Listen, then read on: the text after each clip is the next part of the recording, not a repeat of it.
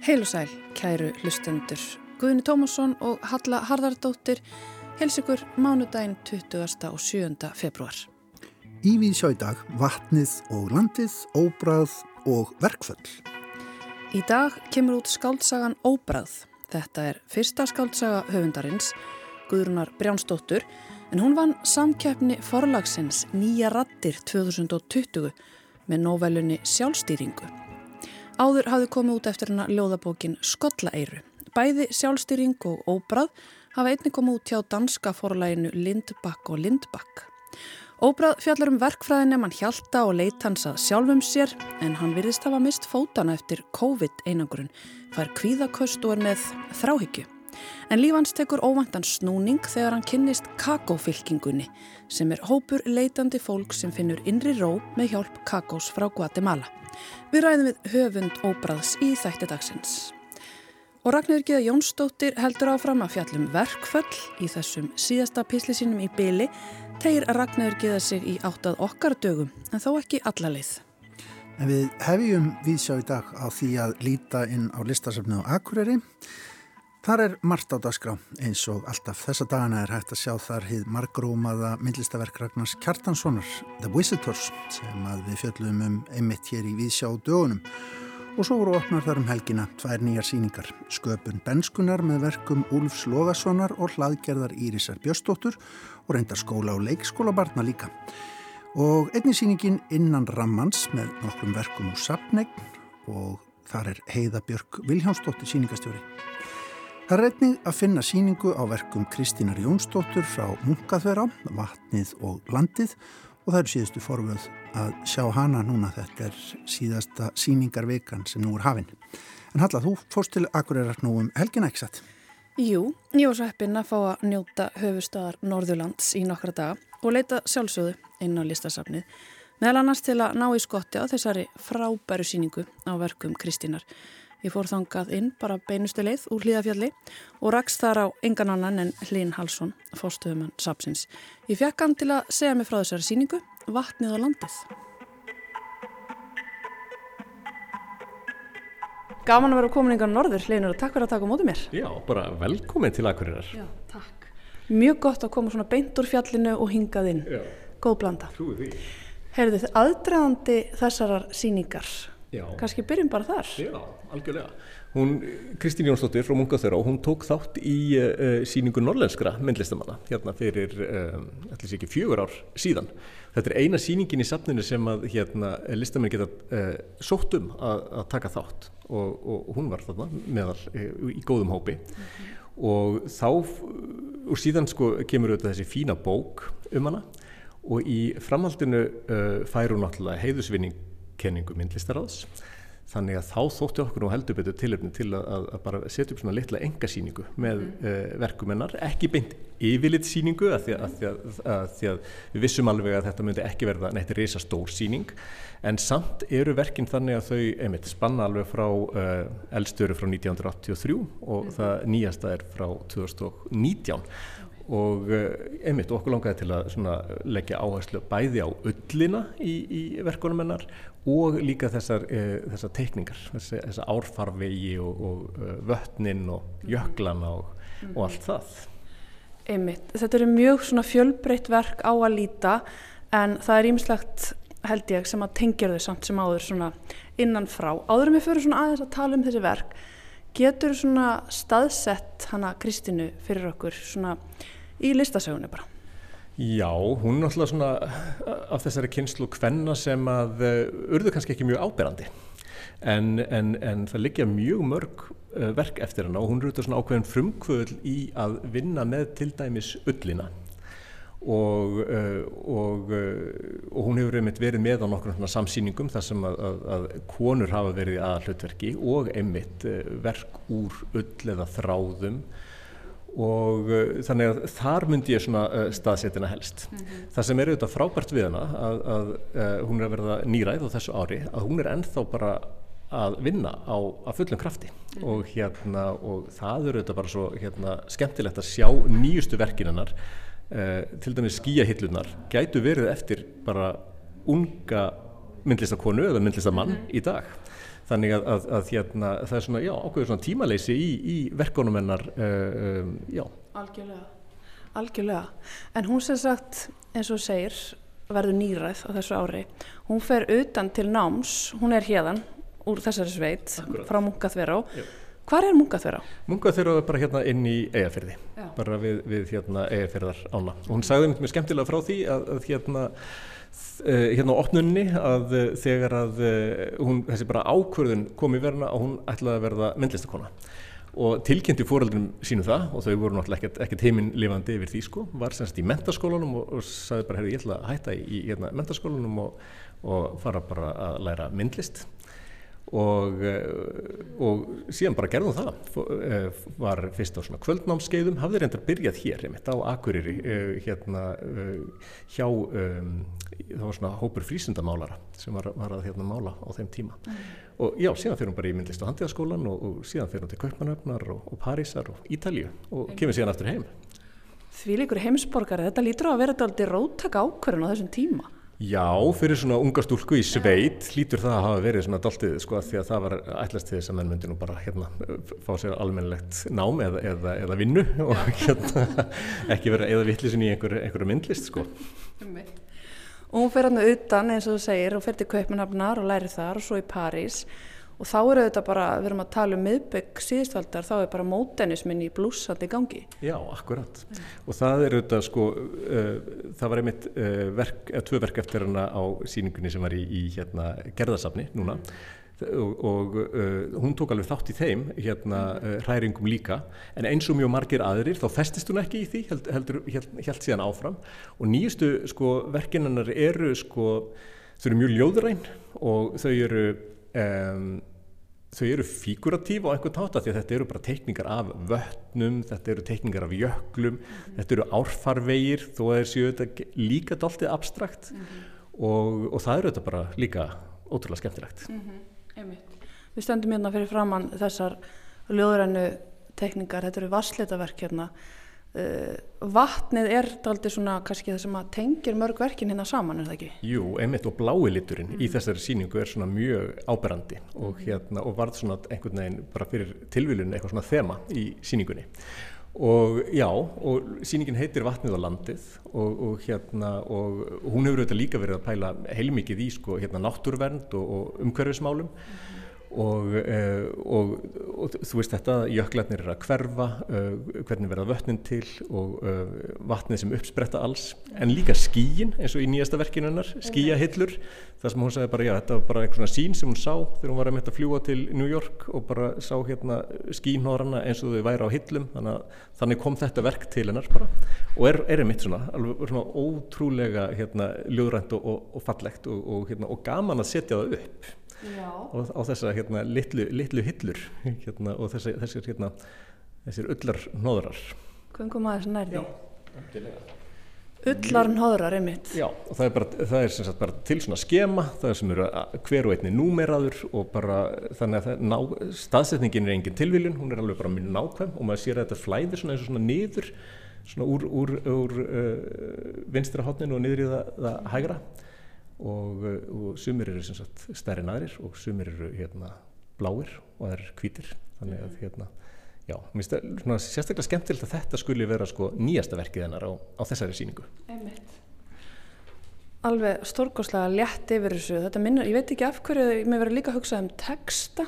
Hún hefur einmitt líka auðvitað not, uh, unnið heil mikið með texta sko. Einmitt og uh, maðurinn hennar var náttúrulega ljóðskáld og tónlistamæður og, og hérna tónlistin segir hún að komi mitt úr þessu hérna frá honum í þessu verki hérna Blues sem að er fyrsta verkið frá því að safnið opnaði þar sem við nýtum þennan glugga, þennan fína stóra glugga og Kristín uh, uh, var einmitt mjög sveinjanleg með það, sagði semst að, hérna, að það, þetta verka gæti aðlaga sér mismöndu stöðum. Það, ég held að það hafi verið fyrst sett upp á kjarvalstöðum einn af stóru gluggunum það er í miðrýminu hér eru þetta í, í, líka í stórum glukka en samt miklu minni glukka en, en hérna verður eitthvað svona eitthvað fallegt og, og hérna einhver tónlist í því líka.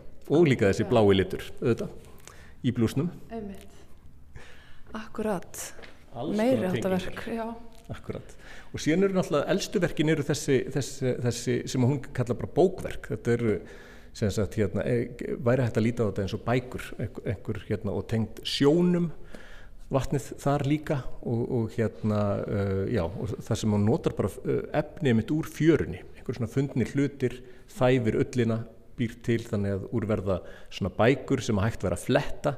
Við sínum þær hins vegar undir hérna undir plexigleri þannig að, að hérna maður verður bara að njóta þeirra svona. Mm -hmm og já, og svo er þessi árfarvegir og, og vötnin á hálendinu og, og síðan svona vötn með nöfnum og maður, hérna, maður þekkir meiri segja, þú veist, mývatn áttamæður sér til dæmis á því nokkuð fljótt og, og hérna, og svo eru þarna langisjór og, og fleiri vötn einmitt vötn sem að hafa verið svona, já, einmitt í svona umhverfisvendar hérna, uh, umræðinni mikið til umræði, sko Akkurat, hún hefur aldrei verið að beina sjónum okkar þangað Já og andlit jökla einmitt.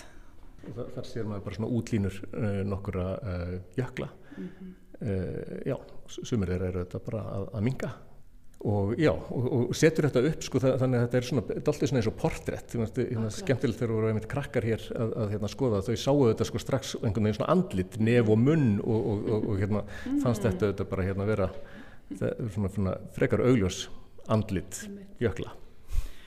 Náttúrulega fjölbreyttur listamæður, Kristín. Já, hún er það og ég meina einmitt hefur unnið með, með texta og síðan mikið með vassliti en líka með innsetningar og, og gert stóru verk líka og, og hérna og öllin hafði þetta svona, daltil, svona er svona alltaf ábyrrandi í, mm -hmm. í hennar ferli og gaman á hún skulle vera ennþá að vinna með öllina. Einmitt. Henni var náttúrulega ekki alltaf gert hátundur höfði svona innan svona virðingarstega miðlana í listunum.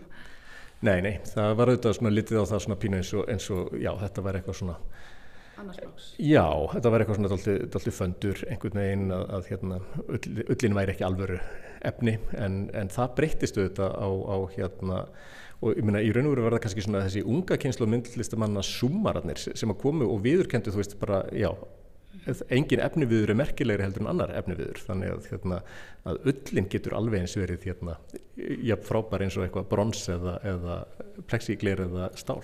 Akkurat, akkurat eins og hún sýnir einmitt svo vel í þessum hérna verkum þar sem að hún týnir til bara allskins hluti Einnig. úr náttúrunni Já og svona, það, það er auðvitað svona sko, gaman að, að það tengist á líka inn í þess að þú veist náttúrupælingar með, sko, hérna, með uh, árfarvegum, jöklum, skýjum og, uh, og öllu þessu sem, sem mm -hmm. verður til. Gaman að þessu, það eru síðustu fórfið að koma hérna og sjá þessa frábæra síningu og hérna takk fyrir að taka mótið mér, Linur. Bara, verður velkominn, takk fyrir komuna. Hallarætti þarna við Linn Hallsson, fórstuðum að listasafsins á Akureyri um síninguna Vatnið og Landið sem hefur að geima verk eftir Kristínu Jónsdóttur frá Munkaþverá. Verk frá ólíkum tímum en sem eigaða sammeilagt að fjalla á einhvern hátt um vatnið og landið og eins og Halla myndist á hér í samtalenu þá fer hver að vera síðastur að eh, sjá þessi verk í listasafninu á Akureyri því að eh, síningunni hunni líkur um næstu helgi. Já, en uh, þá er komið að Ragnhiði Gíðu Jónsdóttur sem flyttu nú sinn síðasta pistil um verkfall. Allt tengist og er samofið, hlustendur góðir. Þræðir þessarar frásagnar eru svo ótal margir og saman súraðir að nú verður að stikla á skammarlega stóru. Róminska líðveldi leiðundi lok með ótal valdabarátum, borgarastyrjöldum og innrálsarherrferðum, mísvel hefnunum, í önnu lönd. Við tók keisaraveldi sögufræga. Dánar ár þess er haft á því herrans ári 476 og höfðu dauðarteginnar verið langdregnar innan veldis og utan. Galadnir á meginlandi alfunar höfðu flesti tekið upp rómverska síðu, jáfnvel gengir í rómverskar hessveitir sem á fjöldi úr germansku þjóðflokkonum. Kjeltar á Írlandi, Breitlandi og Skólandi reyndust Ímis ósýrandi með erfiðasta móti eða hafðu aðlagað sig síðum og menningu stórveldisins sem var orðið svo reysastórt að ekki var mögulegt að halda auðvunumla á nokkru viti eða skipulagi. Og nú fer ótalsögum fram. Í Asíálfu um það bylmiðri fóru hyðingjar um lönd með hjarðistínar. en hugsuðu sér til hreyfings upp úr meðri fjórðu öld voru þeir komnir inn í suðaustur Európu og frá steppum Rúslands heldur þeir rakleiðis í vestur í byrjun 50 aldar. Germanskir þjóðflokkar brúðust við, gengu ímist til Ísfið þá eða flúðu í Vestrómæska ríkið á síðustu metrónum. Aðkomum en það sá úr austri nefnum við húna, konung þeirra áratugum síðar alla, hans er getið á íslenskum bókum fornum í völsungasögu, niblungaljóðum og allakveirir til dæmis.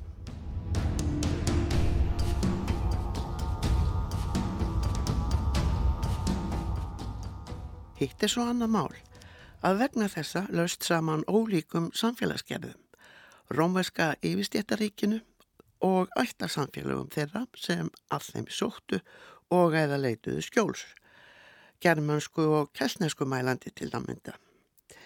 Rómverska yfirstjættin nýtti sér kosti samstöðu sinnar, hennar var nánast óskipt eh, ríkisvaldið og sundlaðir ættflokkar aðkomumanna máttu sinn lítils, þótt sumum fórustumannum þeirra tækist að saminast gegn ofurvaldinu um hríð. Stór herveldir hafði lengi betur gegn þeim en hrundi að lokum. Úr þessari íðandi kös ólíkra samfélagsgerða má finna eitt og annað til skýringar nútímanum. Stjættaskipting einkendi þið öll lénsveldi, hefðingjaveldi, konungsveldi, keisaraveldi í sínum fjölmörgu byrtingamundum. Okkar nútímavefir eiga rætur að rekja til þessa. Rómveska keisaraveldið á Banaberi afleiti okkur að lénskerfinu þar sem landbúnaður allur var í forsæti. Lénsherrar, höfðingjar, konungar og keisarar trónuðu efst á valdapíramítanum og útlutuðu lénum eða jörðum til voldugra vina og viðlægjanda gegn því að þeir styttu tinnsertansinn í einu og öllu. Þessi gáttu svo útlutað lægra settum smæði, lénum eða jörðum. Engin þeirra ræktaði landaregnir þessar og búpenning. Til þess voru bændur, leigulíðar, í ánöð, vistarböndum upp á íslensku. Strituðu á landparti þrjá til fjóra daga fyrir herrasinn tvo fyrir sig og sína. Og máttu hverki fara nema með leiði lénsarans. Varla þarf að taka fram að skattar lénsjara af báðum stegum og þá leigulega hækkuðu umtalsvert þegar tindsittin þurfti í stríð. Þau eru dýr þá sem nú. Englar, saksar og jótar herjuð á Breitlandsegar, örðu ímist kongar eða ættarhæðingjar í nokkrum konungsvíkjum. Þeir sem fyrir voru máttu sín lítils. Ekki batnaði það með innrás Viljáms Bastars og normanna hans. Þá mistu þeir sem fyrir hafðu ráðið flest, þó ekki þeir sem kunnu sína valdaskák. Líka sögu og kemlíka má segja um Evróska meginlandið þvert og endilangt, öldum saman. Því er svo við að bæta að landbúnaður var undistaða alls á ármiðöldum frá falli Rómafeldis og langt inn í hámiðaldir frá 800 til 1350. Ekki hefur pislahöfundur tíma eða vogar sér að fara yfir sögu grísku nýlendunar Byzantium, Nova Roma, Konstantinopel, Istanbul eða Miklagarðs. Fornaldar verkvallin úr góðsögum leikbókbendum Nílardal og Róm voru afrakstur borgarmenningar ólíkra stjætta í ljansveldum voru stjættir í raun tvær, aðallin eða eignastjættin og ánöðugu bændurnir framleiðslu stjættin. Á dreifðri landsbyggð og mátti ekki yfirgjafana, nema með sérstöku leifi eða þeim lánaðist að kaupa sig lausa. Samantekin ráð þeirra í millum voru íll framkvæmanleg. Fornuverkvöldin voru samantekin ráð stjætta í hugumanna eða borgum en þegar þrælar reysu upp gegn eigandum sínum og ánauðegir bændur gegn herrum sínum er talað um þræla og bænda uppresnir og voru það tíðar í Rómaveldi og á lénstímanum og þræla uppreistinnan í öðrum álfum nær okkur í tíma, oft og lengi. Oh, freedom. Oh, freedom. Oh, freedom over me. And before I be a slave, I'll be buried in my grave and go home to my Lord Um meði á 17. öld tók enska þingið völd af konungi og treyði enga egnarétt manna betur en áður hafi verið gert. Landsmenn legðu þá allflestir land og bíli í sveitum af landegundum og lifðu á skeppnuhaldi og kortrekt þar til landeigendurnir áttuðu sig á að ábata samara var að sleppa kortrektinni og einbeita sér á söðfjárrakt. Gamla Elians samfélagið mátti víkja fyrir markastefnunni. Leigubandur og þeirra fólk var rekil af jörðunum, gerðust verkamenn í landbúnaði eða handiðnum og var vinnað þeirra raunuð. Á átjöndu öld var stjætt yðnverka fólks stór, bjó í borgum og fekk laun fyrir að vinna í vestmiðjum eða námum. Fólki þessu var fljótt ljóst að kröfum þessum betri kjör og bætt aðstöðu miðaði betur þegar fólkið stóð saman, myndaði samtök eða félög verkalýsins.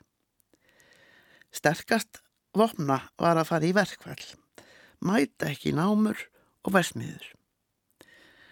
Verkvall voru auðvitað fljótlega bönnuð með lögum en bannið hafði hverfandi áhrif.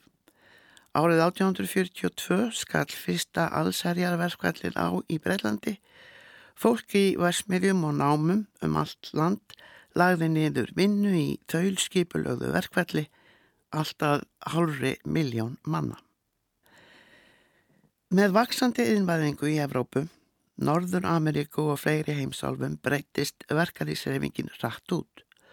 Fyrstu verkalýsfélögin Hélalandi voru stopnud í lok 19. aldar, endust sum stutt en önnur kom í kjölfarið. Sjómenn stopnuðu báruna í Reykjavík 1894. Verkamannafélagið Dagsbrún var stopnað í Reykjavík 1906 og nokkur félög í Reykjavík og Hafnarfyrði stopnuðu Alþjóðsamband Íslands 1916 svo nokkuð sér nefnd. Lög og reglur höfðu ekki verið sett um starfsemi verkefliðsfélaga og var því fyrsta verkir að fá tilfyrst þeirra veiðukenda. Þau gætu og mættu vera fulltrúar launafólks í ákveðnum stafskrænum.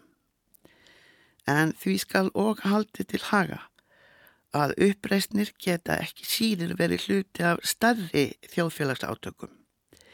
Franski rítöfundurinn og stjórnmálamadurinn Victor Hugo skrifaði sögulegu skaldsöguna Les Miserables, Vesalingana og er hún talin meðal þeirra ágætustu sem ritaðar voru á 19. öld.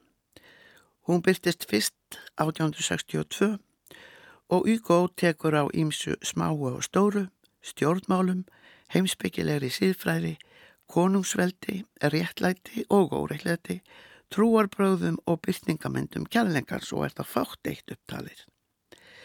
Hugo byggir á eigin reynslu og upplifun. Hann gekk til dæmis um götur Parísar meðan á júni uppreysninni gegn endurreist konungsvaldsins stóð 1832 og aftur í februarbyltingunni í París 1849 en þá laugloks átökum um endurreist konungsveldisins og annað franska lífveldið var það veruleika.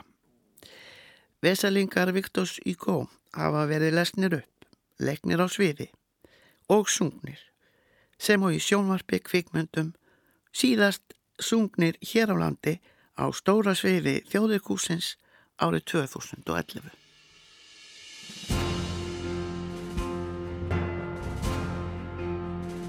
Syngdu nýjan þjóðar söng, syngdu þann móðir aldrei deyr.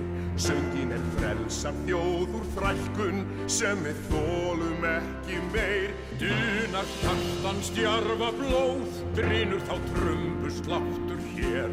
Vakna mun veröld ný og góð þegar daga fer. Viltu sigur dægin sjá og stand og falla nú með mér? Ef handan götu að þá er veröld handa þér. Þá gaktu í slægin og taktu það frelser þér ber.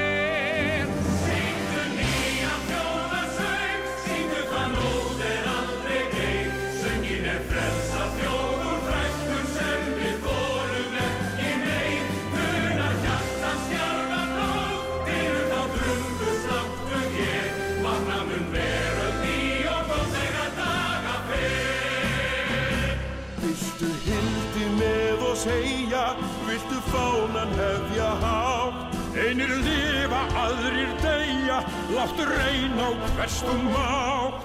Því blóðinn af föllum mun bað okkar fósturjöld brátt.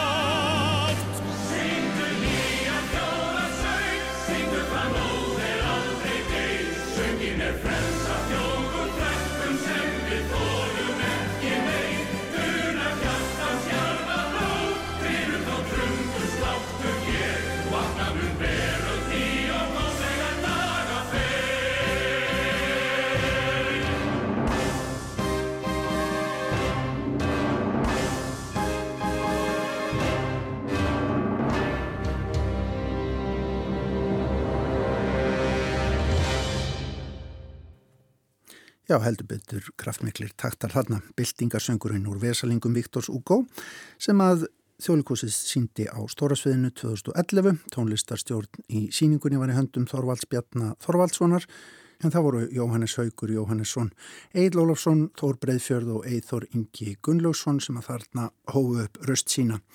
Hér á eftir pistli Ragnhildar Gíðu Jónsdóttur. Þetta var hennar síðasti pistil hjá okkur hér í Vísjá að sinni í þessari röðunar um forn verkföll. En hver veit nefnum við fáum eitthvað meira frá henni fyrir en síðar smikkur runar það einhvern veginn. En þá fyrir við yfir í bókmentirnar. Það er ungur höfundur sem að er að gefa sína fyrstu skáltsu út í dag, er það ekki hella? Jú, Óbráð er fyrsta skálsaga höfundarins Guðrunar Brjánsdóttur en hún vann samkeppni forlagsins Nýja rattir 2020 með nóvelunni Sjálfstýringu og áður hafði komið út eftir hennar ljóðabókin Skollaeiru. Guðrun er meistarnemi í íslenskum fræðum við Háskóla Íslands og kennir þetta misserið forn íslensku við Cornell Háskóla í Bandaríkjónum en er stödd hér á landi til að kynna þessa nýju skáldsögu sína. Óbráð fjallar um Hjalta og leit hans að sjálfum sér en hann verðist hafa mist fótana eftir COVID-einangurinn. Hjalti er ungur verkfræðanemi með takmarkaðan áhuga á náminu. Hann er vegan, býr á stúdendagörðum, vinnur á ellheimili og er nýhættur með kærustunni og Hjalti fær kvíðaköst og er með þráekju. Guðrún leit við í hljóðstofu viðsjár í morgun og ég byrja á því að spyrja hann út í aðalpersonuna. Hann Hjalta. Hann er svona í, í byrjun uh, sögunar í, í dálítið klemmu og já, hvernig á ég lýsa honum, hann er, hann er svona, já, hann er svolítið leitandi karakter. Og hann er með í mig svona andleg uh, vandamál mm. og veit kannski ekki alveg hvernig hann á að snúa sér uh, í því að finna, finna lausnir á þeim og, og svona uh, sam, saman sig kannski ekki vel við fólki í kringu sig allavega á þessum tímapunkti sögunar. Já, svona búin að fjarlægast gamlu vinina Já. var að hætta með kæristinu. Hann er, virðist vera kvíðasjúklingur, kannski mögulega með smá þráhyggju? Já, einmitt. Uh, hann er með uh, já, þráhyggju fyrir veggjalúsum aðalega. það, það hefur einhvern veginn ágerst og hann er uh, hérna, mjög hrættur við sagt, að smitast einhvern veginn af, af veggjalúsum. Það eru náttúrulega smitandi. Mm -hmm.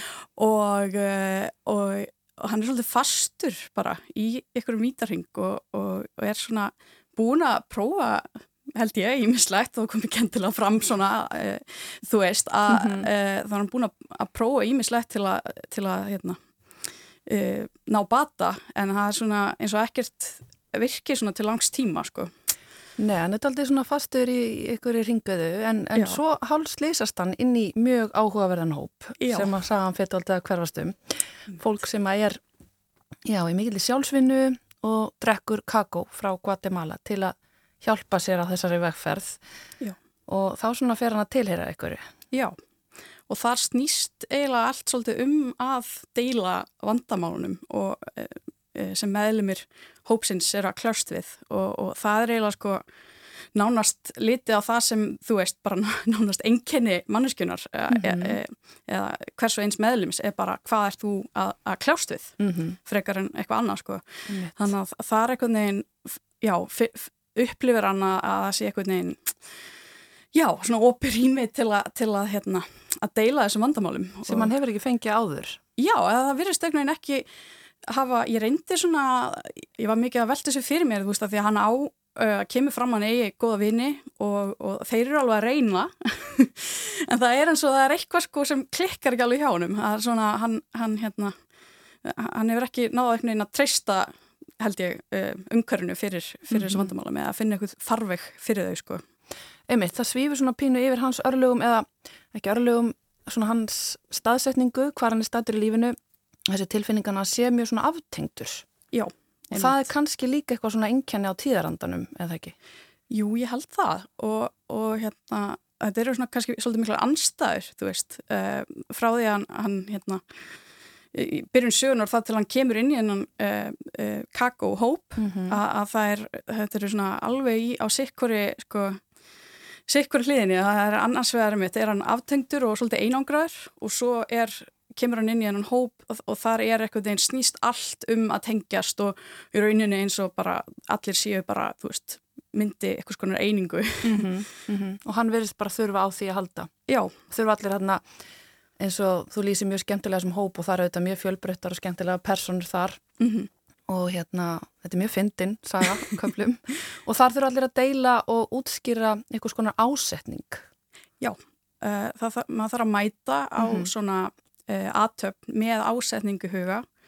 Og maður þarf að, já, ásetningur er svolítið eins og markmið eða svona, já, tilfinninga eða hugsun sem þú kemur með inn í, inn í rýmið og, og, og hérna, þannig að það, þú, þú mætir ekki bara svona upp að gamnið, þú þarfst að vera eh, svolítið svona ákveðin í sem þú ert að gera og vera með uh, hérna, sko, þú ert að reyna að leysa upp ykkur, ykkur hérna, áföll eða, eða tilfinningar. Þannig að Þannig að já, að hann kemur inn í þetta og, og þetta er einhvern veginn kannski bara svona hendar hann vel á þessum tímapunkti.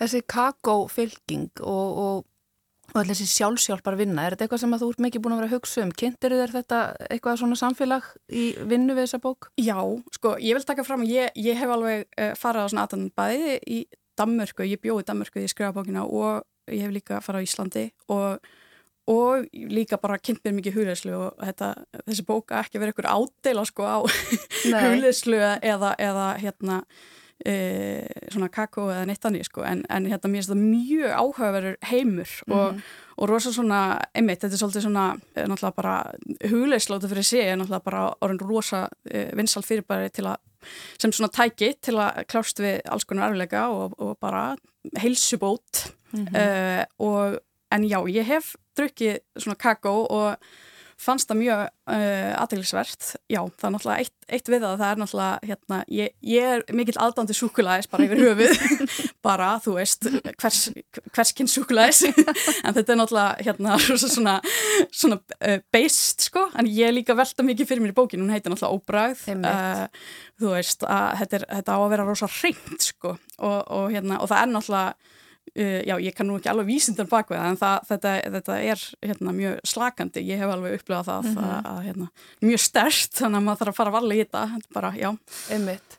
Já, einmitt. Nei, þetta er engin ádela á, á þennan heim. Þetta er meira bara svona forvitnileg sín inn í hann og Já. þó að þessi fyndin karakter og margt fyndi gerist, já, þá hérna, þá virðist þetta hjálpa, hjálta líka. einmitt þetta er bara, já, þetta er bara svona heill heimur sem opnast fyrir honum og, og líka færi þetta hann til að svona ég veit það ekki, komast út úr þessum, þessari lúpu sem hann er fastur í þannig að þetta er svona, það er einhver breyting sem verður hjá honum Mm Og hann kynnist þessari fylkingu og þá upphefst ferðalag, Mhm. hetjunar, sem að er skrautlegt og, og við komumst að því að ekki alveg upp á sögunar, heldur svona að vera að líða á hana að uh, hann er haldinn miklum kvíða og fekk í rauninni kannski hálgjert taugafall í kjölfara þessar sambandslita Mhm. en, En líka má reykja það kannski til einangrunar út af COVID og COVID er þetta alltaf svona allt umlíkjandi í þessari bók. Þetta er fyrsta bóki sem ég les það sem að COVID kemur svona stert við sögu. Já, einmitt, sko, þegar ég byrjaði að skrifa hana þá var, held ég ekki,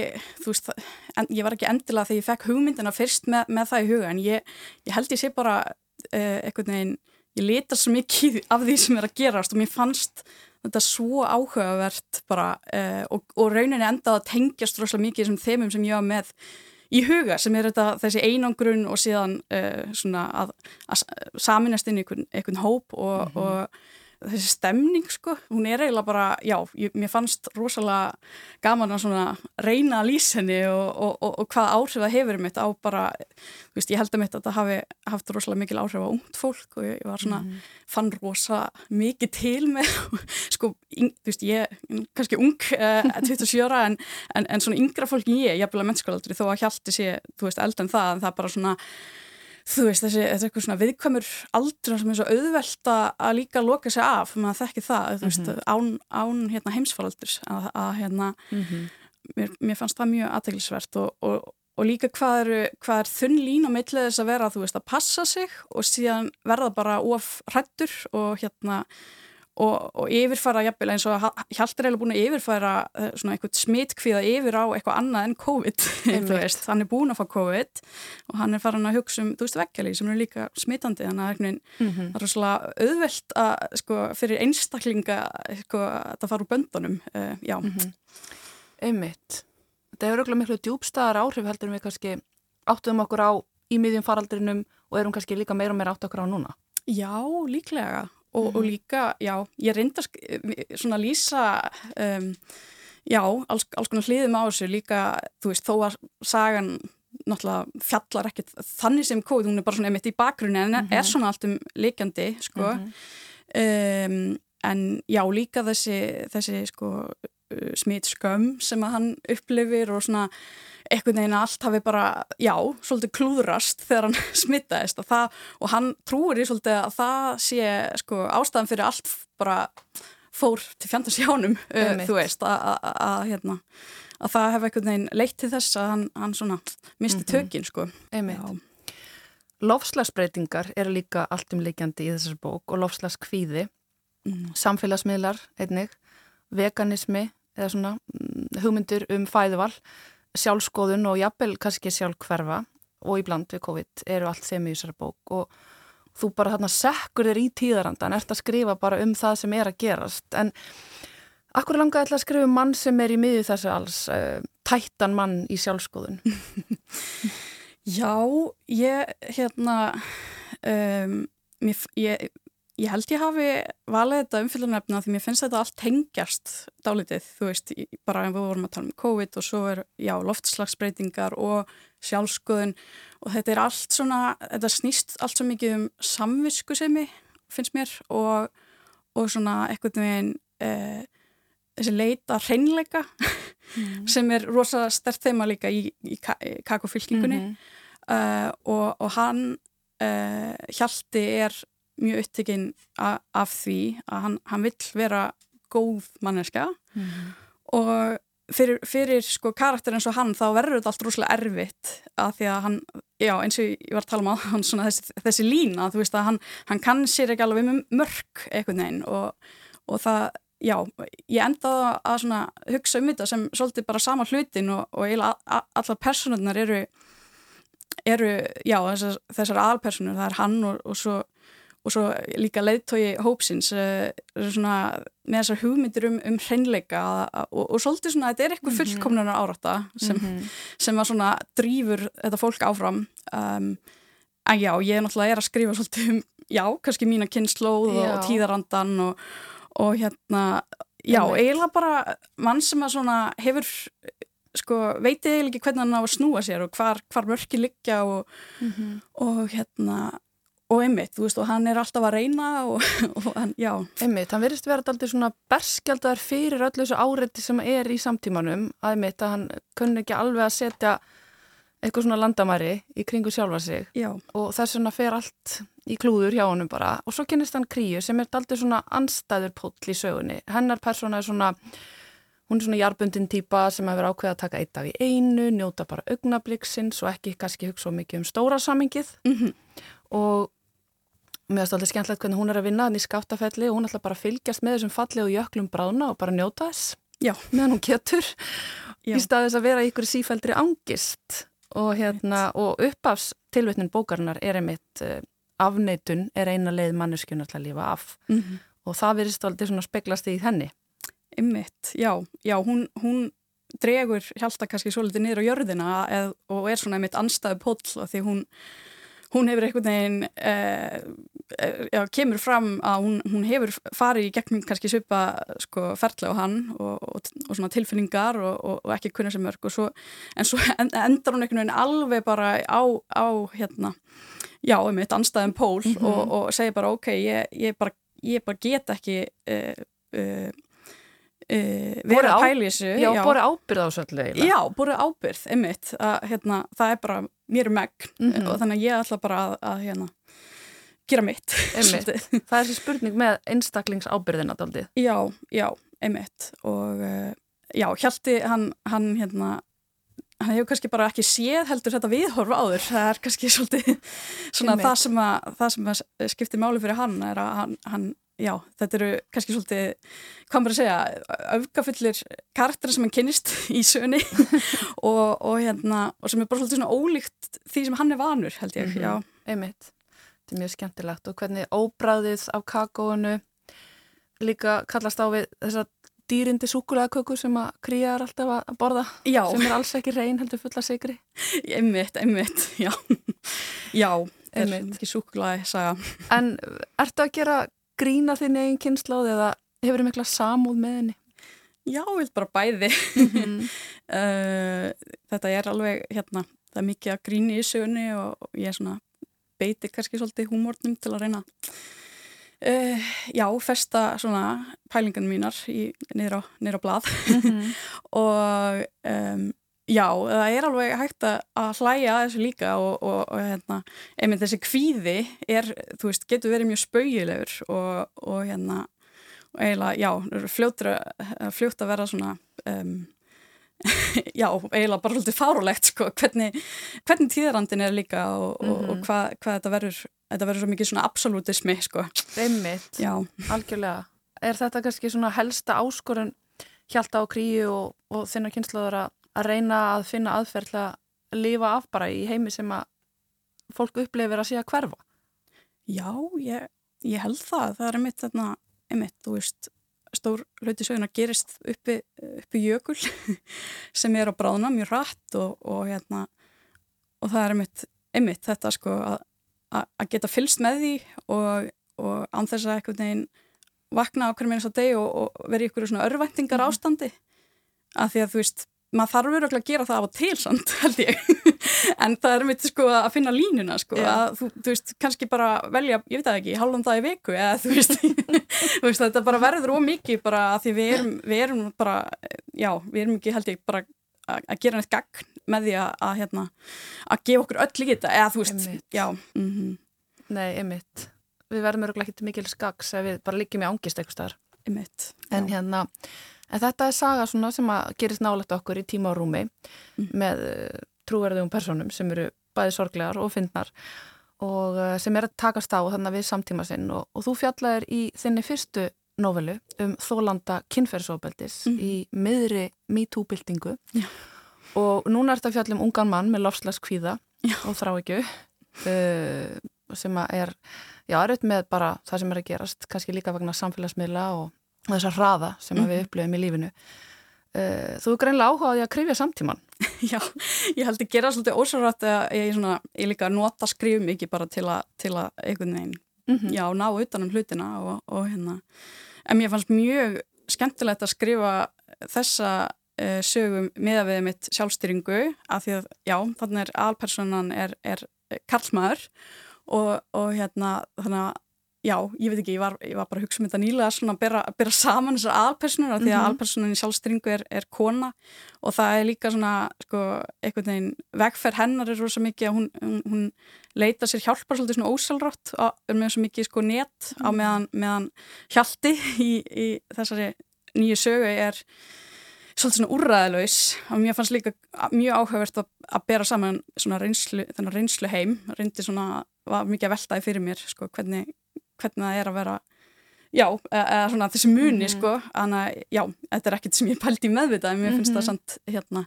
þetta er náttúrulega, já, bækur um, um, um ungt fólk bara í krísu það er svolítið svona, verist alltaf verið að þema hjá mér Já, hinga til allavega Já, já.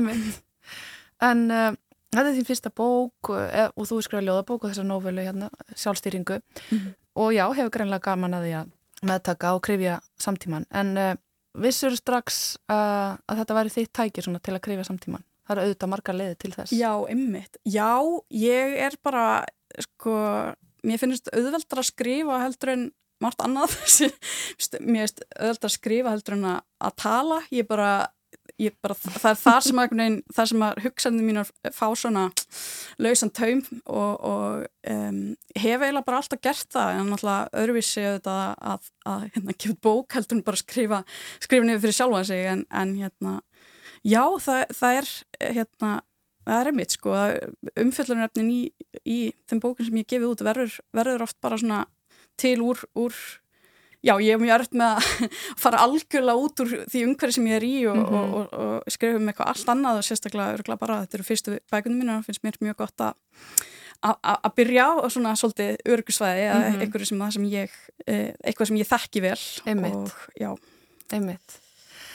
En aukþess að vera rittuðundur þá lögstu prófi í ópersöng í Danmörku og bókin kom nýlega út í Danmörku já. þannig að þú ert anþá með tengingu þar Já, uh, já ég lög uh, því prófi árið 2021 um, og einmitt, uh, sagan kom út uh, bara í, í haust í Danmörku og um, uh, Skrifaði hann á dönsku eða er hann þýtt? Nei, hún er þýtt af mm -hmm. Nönnu Kalkar og ég gerði samning við þetta forla þegar ég bjóð en það úti þannig að ég skrifaði líka uh, meirlutan af henni úti mm -hmm. í Danmörku mm -hmm. þegar ég bjóð þar og það er enda líka eitt annað að ég var mikið að horfa svolítið sko Uh, svona bera þessi saman þessi samfélög í, í heimsfaldranum og svo framvegis og með öll þessi málefni sem við erum búin að ræða mm -hmm. og, og það, var, það var líka eitt af, sko, eitt af því sem gera verkum að mér fannst mjög áhugavert að, að, hérna, að, að að því að þetta eru, þetta eru frekar svona ólík samfélög með, með margt uh, af þessum, þessum, já, þessum málefnum sem við erum búin að tæpa á sko. Einmitt, þau hafa verið með mjög ólíkar aðferð til að takast á við þau. Já, já. Einmitt, þrátt verið að vera nágrannríki Einmitt, akkurat. Einmitt. Þannig að já, ég, ég held, já, mjög, mjög spennandi að bera saman sko líka danska og íslenska lesendur af því að na, sjálfstring kom líka út hjá þessu sama forlagi á, á dönsku mm -hmm. og mér fannst mjög svona ólíkar upplöðanir, eða já, ég er svona, já. Já það, upp, hvernig það? það.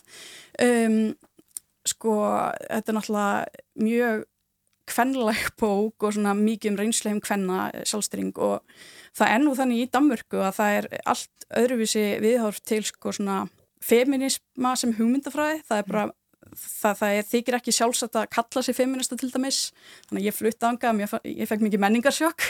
En auðvitað það þýr ekki að þeir séu einhvern veginn allt öðru sem við hvað það varðar. Að meira svona mm -hmm. uh, líta meira á það sem hugmyndafræði sko. Mm -hmm. og hérna þannig að og mér finnst umræðan þar vera bara svolítið svona ólíkum slóðum sko uh, í sambandi við líka hérna já, bara sko kynbyttu ofbildu og svo framvegist þannig að hérna, það, já, það var mjög aðtilsvert MeToo-bildingi var ekki afn hávar þar.